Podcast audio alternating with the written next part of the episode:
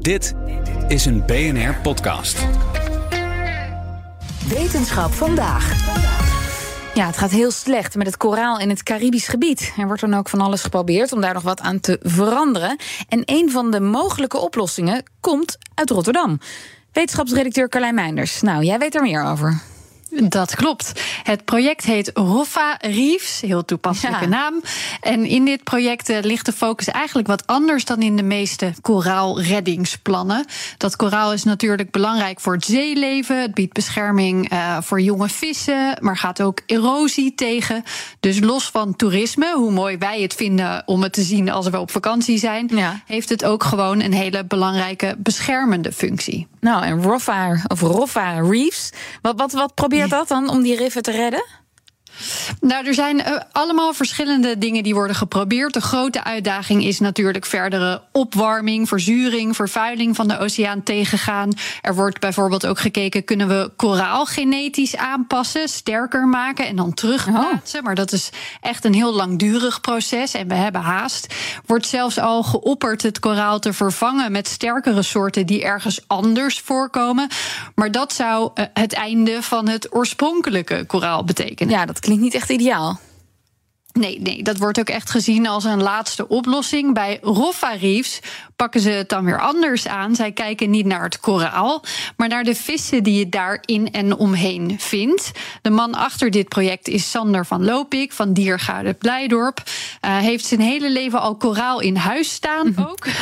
Begon als dierverzorger in het aquarium en dat is ook waar uiteindelijk dit idee ontstond.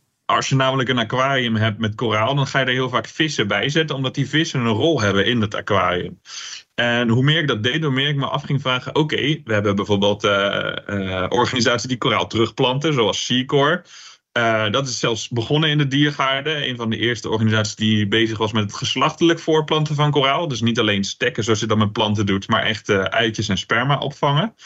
Maar hoe kan het nou eigenlijk in godsnaam dat we, dat we die vissen er niet bij proberen te plussen? Nou, dat is heel simpel. We weten gewoon nog niet hoe dat werkt. Maar het is heel grappig dat je ziet dat heel veel nature-based solutions die we nu eigenlijk aan het uitoefenen zijn uh, op het RIF, ja, die komen gewoon uit de dierentuin. Alleen dat deden we niet met vissen. En, uh, en nu, nu dus wel. Maar uh, Carlijn, hartstikke leuk hè, die ja. vissen bijplussen, zoals hij dat zegt. Maar dat lijkt me ja, nogal ingewikkeld op zee. Is het ook, want als je kijkt naar de vissen die daar voorkomen, die kweek je niet zomaar even bij. Is wel geprobeerd hè, om ze te kweken op het land, zodat wij ze bijvoorbeeld als huisdieren kunnen houden. Maar dat is super lastig gebleken bij die tropische soorten. Wat nou, dacht Van Loopik, als het ons wel lukt om die vissen te kweken en we ze terugplaatsen, zodat het koraal dat eigenlijk niet meer alleen hoeft te doen? Dan begin je bij het begin en dat is eitjes vangen. En mijn collega Tamara Molendijk die doet dat nu op Bonaire. Die is heel gaaf eigenlijk meegegroeid. Dus die is uh, als student begonnen. En dan gingen we een eerste testje doen in Burgersoe. Omdat het het grootste aquarium is wat uh, los staat van de zee. Toen gingen we daarna een pilot doen in Bonaire. En kwamen we er eigenlijk achter, oké, wij kunnen nu heel goed eitjes vangen. Maar los van dat megalomane kweekplan kan je hier nog veel meer mee. Want we waren een van de eerste die op deze manier dit doen. Ja, want wat lukt hen dan wat anderen niet voor elkaar kregen?